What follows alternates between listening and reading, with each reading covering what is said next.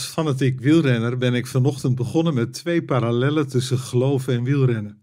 Samen sta je sterker en luisteren maakt je sterker. Nu snel door naar een derde parallel. Trainen is noodzakelijk. Een tijdje terug had ik corona en daardoor kon ik niet trainen en vervolgens was ik erg druk en had er ook niet zoveel zin in. Uiteindelijk ben ik weer op de fiets gestapt, maar hé, hey, dat viel tegen zeg. Mijn snelheid was een stuk lager en na de training had ik een uh, flinke spierpijn. Zo'n spierpijn waar je twee dagen later nog last van hebt. Herkenbaar?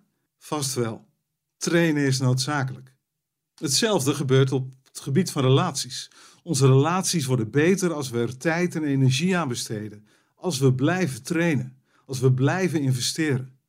En dat geldt dus ook voor onze geloofsrelatie met God. Die relatie wordt sterker als we erin trainen. Nu heb jij misschien een heel ander beeld van geloven. Dat het vooral met gevoel te maken heeft. Inspiratie. Dat soort zaken. Dat is helemaal waar. Maar het heeft ook een andere kant. Je traint, je investeert, want het komt je niet zomaar aanwaaien. Voorbeelden? Iedere kerkdienst is voor mij een training. Vroeger werd zelfs letterlijk over een godsdienstoefening gesproken. Dat is hetzelfde idee. Of dit. Iedere dag probeer ik een trainingsmomentje te pakken. Een korte podcast bijvoorbeeld. Of een moment als dit. In ieder geval open ik de Bijbel om te luisteren naar God. Tijd om te bidden. Een vierde parallel, de laatste. Stel je voor, je rijdt met z'n tweeën voorop. En die andere persoon zie je als je tegenstander. De grote groep zit een flink eind achter jullie en op dat moment rijdt je lek. Je komt niet meer vooruit. Weg zijn de kansen op je overwinning. En juist op dat moment zegt de ander: Hier, pak mijn fiets en pak de overwinning. Dat zou natuurlijk gekkigheid zijn. Ik heb het nog nooit zien gebeuren. Maar zo ergens steekt geloof in elkaar.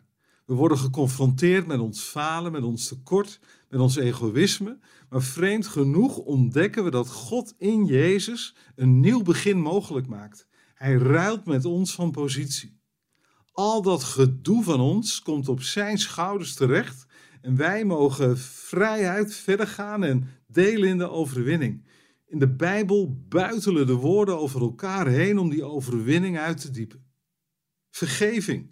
Je mag de ballast van het verleden loslaten. Nieuwe identiteit. Je staat te boek als een geliefd kind van God. Eeuwig leven. De dood heeft niet meer het laatste woord in jouw bestaan. En hoop. Er komt een dag waarop recht en vrede overwinnen. Je kunt twee dingen doen.